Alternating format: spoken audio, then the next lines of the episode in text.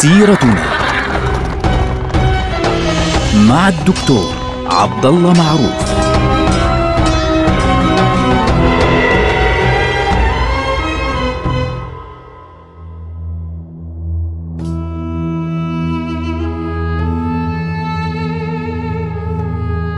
السلام عليكم ورحمة الله وبركاته. سيرتنا سيرة هذه الأمة العظيمة ونحن الآن في عهد الدولة العثمانية وتحديدا في فترة صعبة جدا فيما بعد آه، أسر ووفاة السلطان بايزيد على يد تيمور لنج.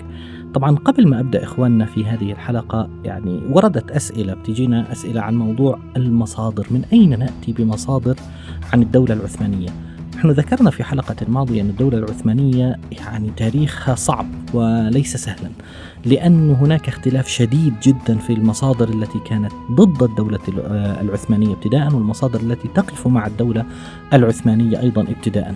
فبسبب ذلك تجد أحيانا مصادر تأتي تتكلم عن العثمانيين بمنتهى الشدة وبمنتهى العنف وبمنتهى القسوة. وتحاول أن تصور الدولة العثمانية كأنها دولة احتلال ودولة ظلم ودولة قهر ما يعني دامت 500 أو 600 سنة.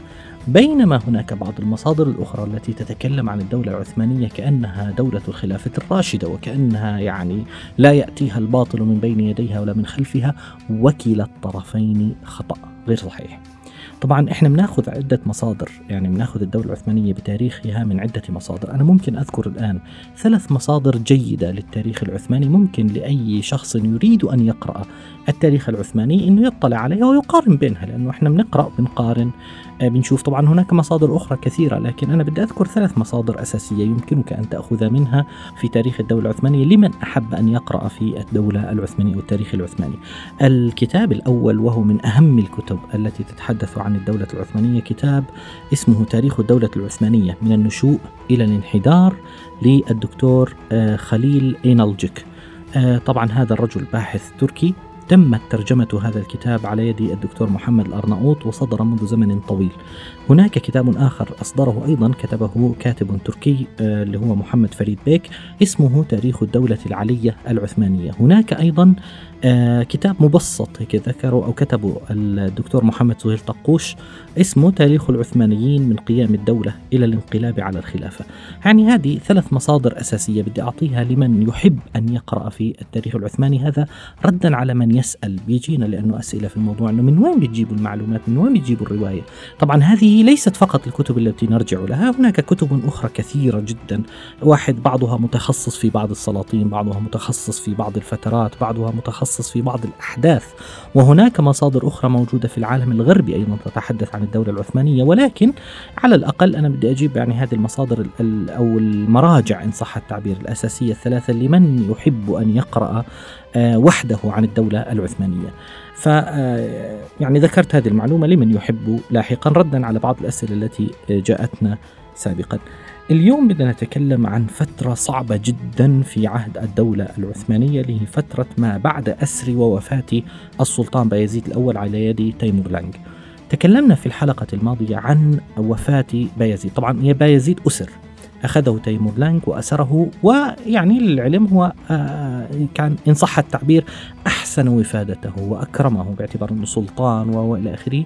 لكن في النهاية بايزيد يعني توفي آه، في الأسر. وبعد ذلك دخلت الدولة العثمانية في مرحلة المخاض العسير الأول. هنا تأتيني آه، نقطة مهمة جدا إخواننا في التاريخ. هناك قاعدة تاريخية نفهمها اليوم. اللي بيمشي معنا فعليا في سيرتنا سيرة هذه الأمة من أيام النبي صلى الله عليه وسلم حتى الفترة اللي إحنا نتكلم فيها الآن سيلاحظ أنه هذا القانون موجود في كل فترة تاريخية مرت فيها الأمة على الإطلاق ما هو القانون؟ كل دولة أو كل تغيير كبير يعني إنشاء دولة سقوط دولة آخره خاصة إذا قامت دولة. كل دولة جديدة عندما تقوم لابد إذا كانت مشروع يعني إن صح التعبير لابد من أن تمر بمرحلة ردة.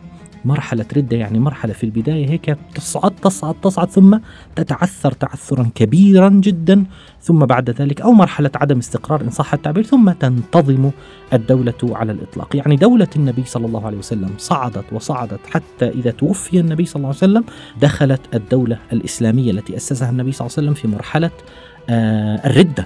ولولا وجود أبو بكر الصديق رضي الله عنه لتغير الأمر. أيضا بعد أن أنشئت الدولة الأموية بعد ذلك بعد معاوية بن أبي سفيان رضي الله عنه وبعد فترة دخلت الدولة مرة أخرى في انتكاسة. يعني في فترة مروان بن الحكم دخلت في انتكاسة تالية ومرحلة مخاض أيضا كانت نتيجتها نشوء الدولة التي نعرفها بعد ذلك بالدولة الأموية اللي هي دولة عبد الملك بن مروان وما بعده. نفس الشيء الدولة العباسية نفس الشيء الدولة الفاطمية نفس الشيء الدولة الإسلامية في الأندلس اللي هي الأموية في الأندلس نفس الشيء الخلافة الأموية أيضا في الأندلس. ودولة المماليك دولة الأيوبيين دولة كل واحدة من هذه الدول بعد أن تقوم لابد من أن تنتكس في مرحلة لاحقة. وهذا الكلام لابد أن تفهمه في التاريخ. ليه؟ لأنه كل مشروع كبير ثورة قامت آه، حديث حدث جديد قام آه، نظام جديد قام. لابد من ردة عن هذا المشروع. بعد أن تقوم الدولة لابد من كسرة معينة. هذه الكسرة إما أن تقضي على هذا المشروع كما حدث مثلا في فترة المغول بعد أن صعدوا ثم انكسروا. خلاص ما رجعوش مرة ثانية. أو بدأوا خلاص تغير شكلهم. أو أن تقوم الدولة مرة أخرى وبشكل ثابت يعني تثبت شكل معين للدولة. وهذا ما حدث في الدولة العثمانية في مرحلة محمد جلبي. بعد بايزيد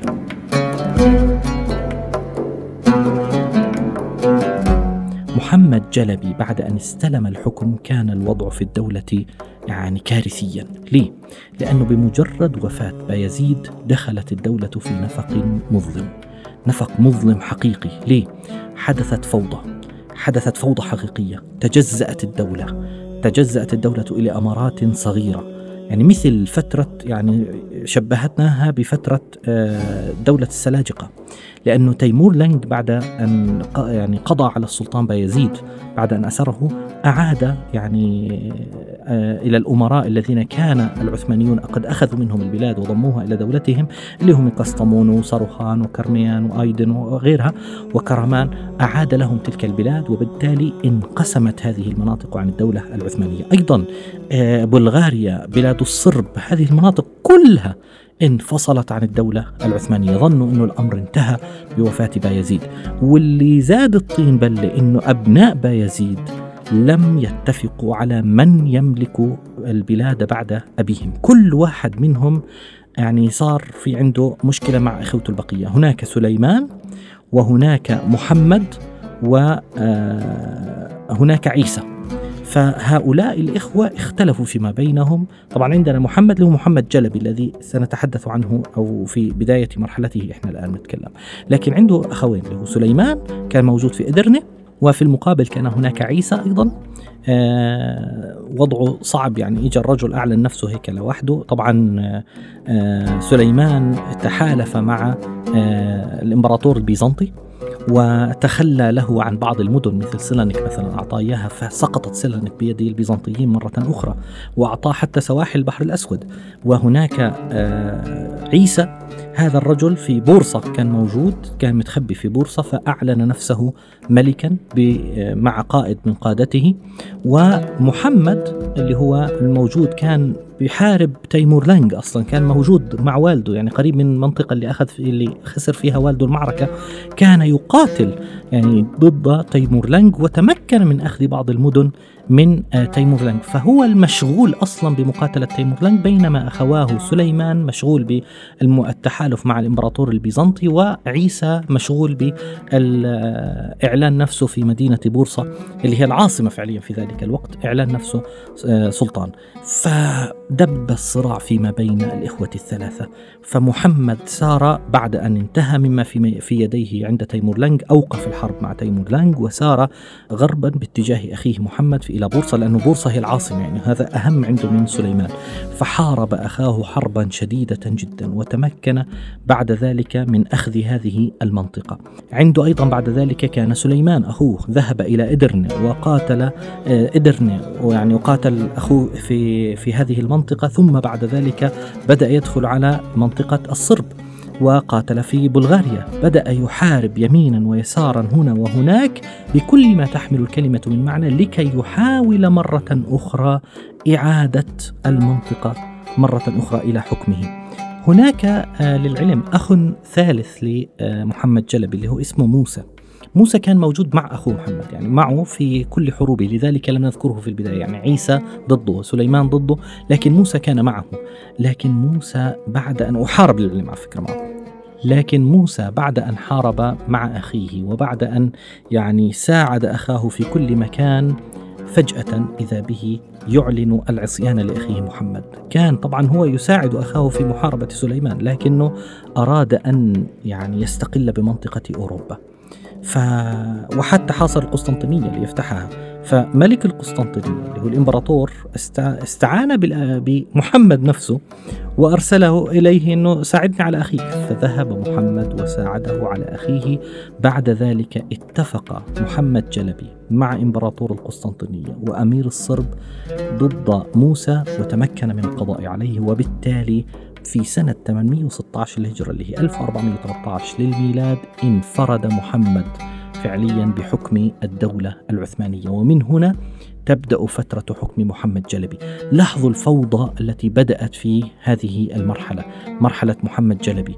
يعني فترة صعبة فترة معقدة فترة للأسف يعني سيئة جدا جدا جدا كانت في عهد بداية الدولة العثمانية ولكن كان لابد منها هل انتهت هذه المشاكل؟ طبعا لا لسه كان عنده مشاكل يعني محمد جلبي مع الأمراء الذين سلمهم تيمور لنج المناطق التي استقلوا بها وبالتالي لسه بدأ يحاربهم واحدا تلو الآخر ويرجع إليهم واحدا تلو الآخر بحيث يضم هذه البلاد مرة أخرى إلى الدولة العثمانية واحدة تلو الأخرى صعبة يعني كانت فعليا هذه المرحلة.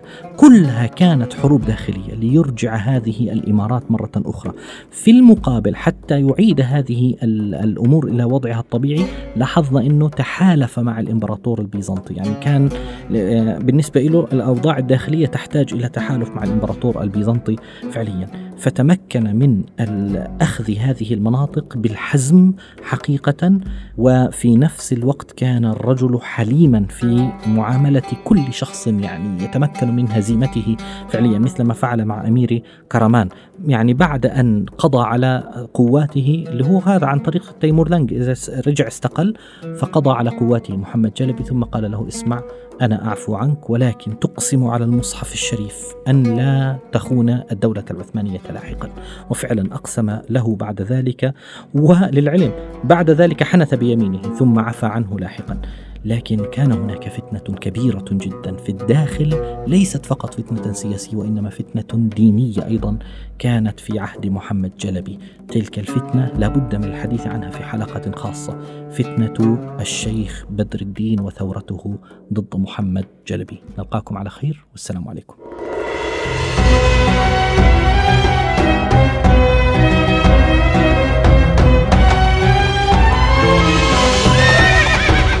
سيرتنا. مع الدكتور عبد الله معروف.